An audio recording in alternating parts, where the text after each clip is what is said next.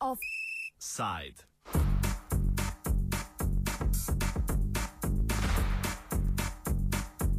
Evropska komisija si v okviru svojega predloga poimenovanega Pametna meja želi prstnih odtisov strani vsakega njenega nedržavljana, ki bi vstopil v območje Evropske unije.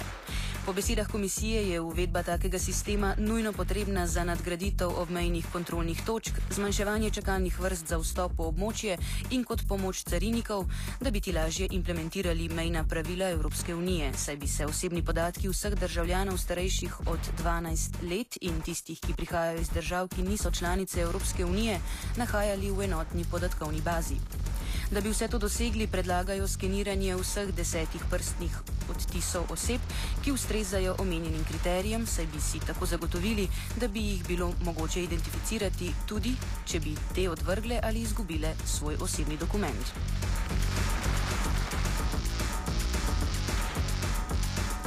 Evropska komisija predlaga dva načina za obravnavo ljudi, ki bi vstopili v EU območje.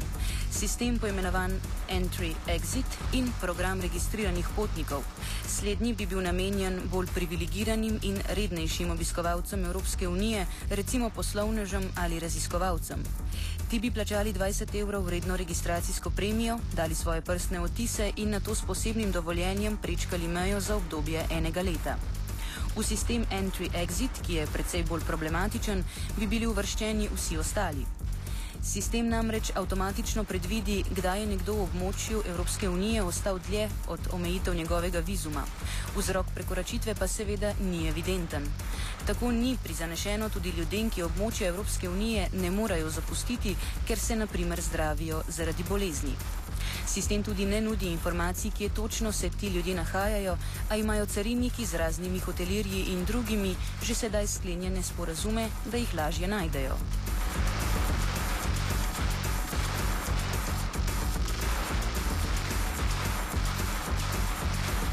Predlog je sprožil plas kritik, med drugim tudi strani stranke nemških zelenih. Pogovarjali smo se s Ska Keller, članico omenjene stranke, ki načeluje inicijativi Smash Borders. Ska nam je za začetek predstavila predlog Evropske unije.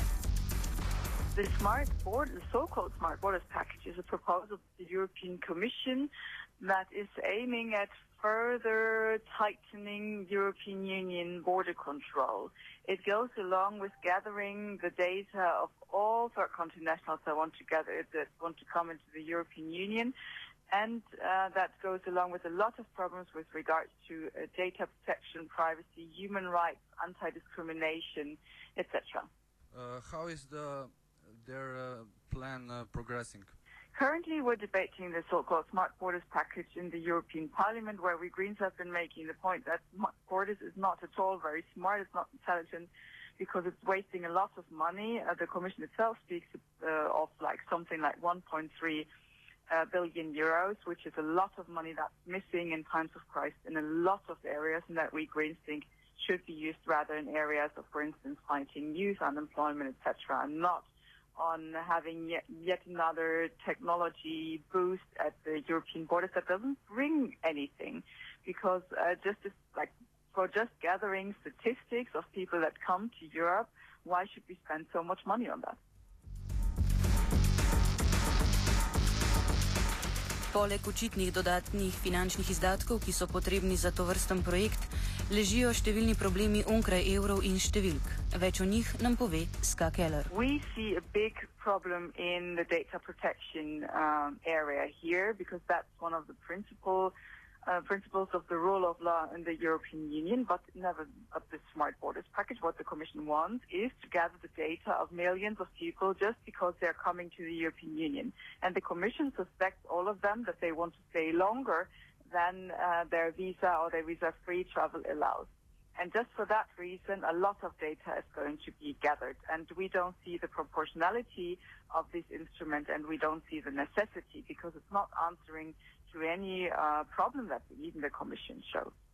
Plus, then there is uh, problems with that um, this proposal would discriminate against uh, foreigners. There are good reasons for why we're not having a database of all EU citizens. It's actually forbidden in many, EU member states to gather data of uh, like comprehensive data of uh, citizens because uh, we're not under general suspicion. So why are we doing a database of foreigners that is not allowed for EU citizens? We Greens here see that this is clearly against um, the anti-discrimination directive, which demands that foreigners also have the same rights in those areas as citizens. Evropska unija naj bi bila prostor in hkrati platforma proteka, pretoka ljudi, informacij, blaga in podobno. S tovrstnimi ukrepi smo vse dlje od zavedanja življenja v skupnem prostoru, odpiramo pot diskriminacijam, zlorabam in posledično kriminalu. Nadaljuje Ska Keller.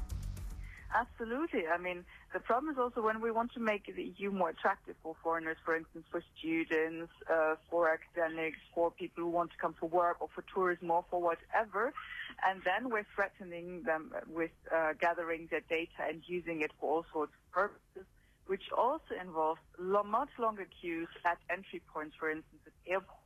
Because the problem is not just the Commission proposal, but now the Conservatives and many member states want to directly also gather biometric data, most likely like fingerprints of those travelers, which will lead to much, much longer queues at Europe's uh, outer borders.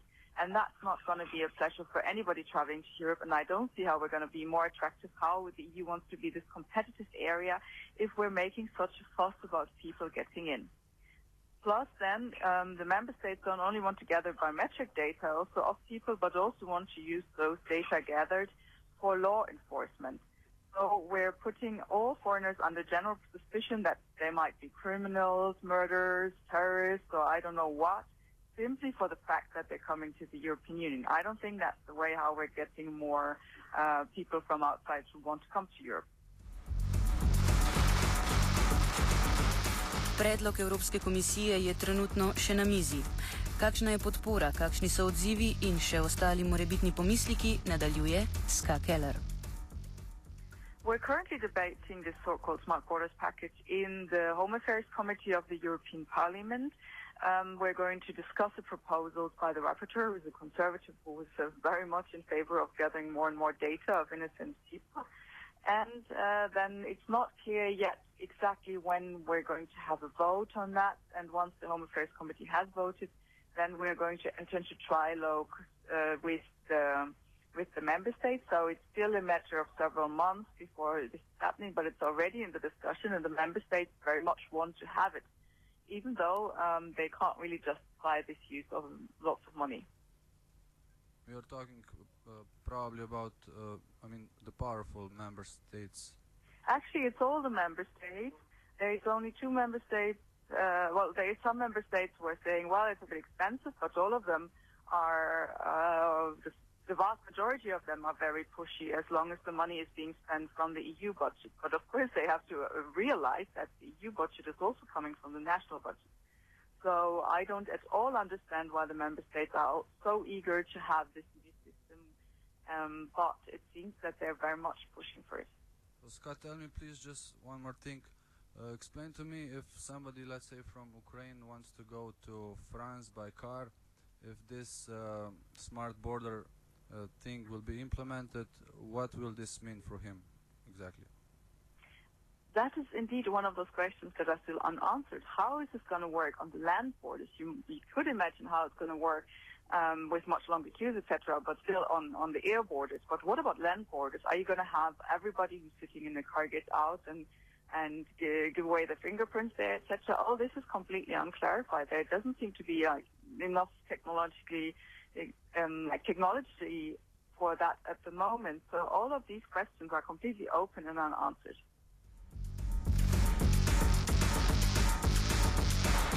To vrstne meje so le za omejene.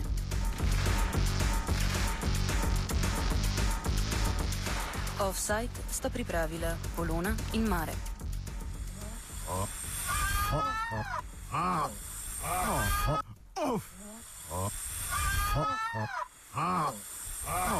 Offside.